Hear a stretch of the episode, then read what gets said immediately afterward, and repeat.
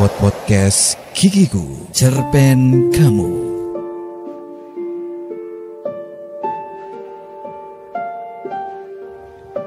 Mak, bukan maut yang menggetarkan hatiku, tetapi hidup yang tidak hidup. Karena kehilangan daya dan kehilangan fitrahnya. Ada malam-malam aku menjalani lorong panjang tanpa tujuan ke mana-mana. Hawa dingin masuk ke badanku yang hampa. Padahal angin tidak ada, bintang-bintang menjadi kunang-kunang yang lebih menekankan kehadiran kegelapan. Tidak ada pikiran, tidak ada perasaan, tidak ada suatu apa. Hidup memang fana, Mak. Tetapi keadaan tak berdaya membuat diriku tidak ada. Kadang-kadang aku merasa terbuang ke belantara, dijauhi ayah bunda dan ditolak para tetangga. Atau aku terlantar di pasar. Aku bicara, tetapi orang-orang tidak mendengar. Mereka merobek-robek buku dan menertawakan cita-cita. Marah, aku takut, aku gemetar, namun gagal menyusun bahasa.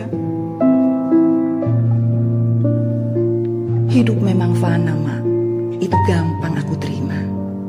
Tetapi duduk memeluk lutut sendirian di savana membuat hidupku tak ada harganya.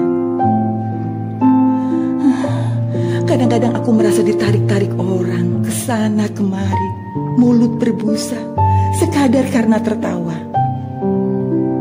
Hidup cemar oleh basa-basi, dan orang-orang mengisi waktu dengan pertengkaran edan yang tanpa persoalan, atau percintaan tanpa asmara, dan sanggama yang tidak selesai.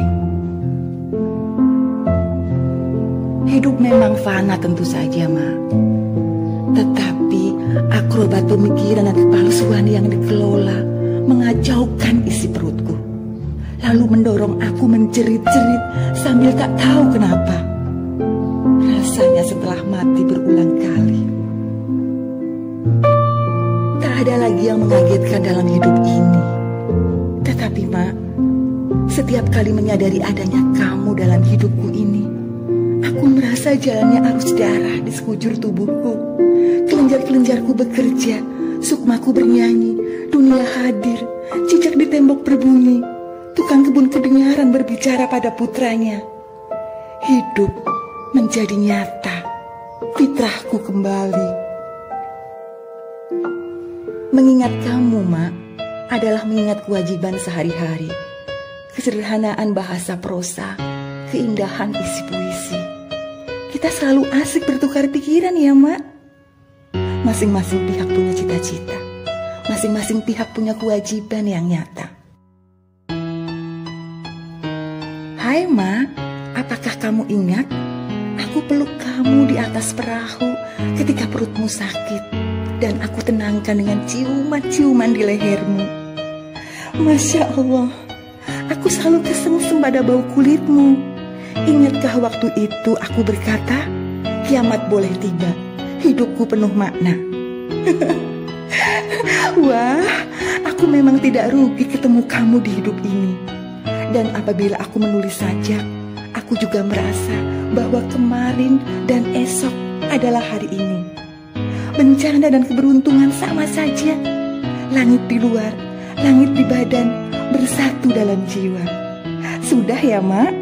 Berbagai cerita ada di sini. Podcast Kikiku Cerpen Kamu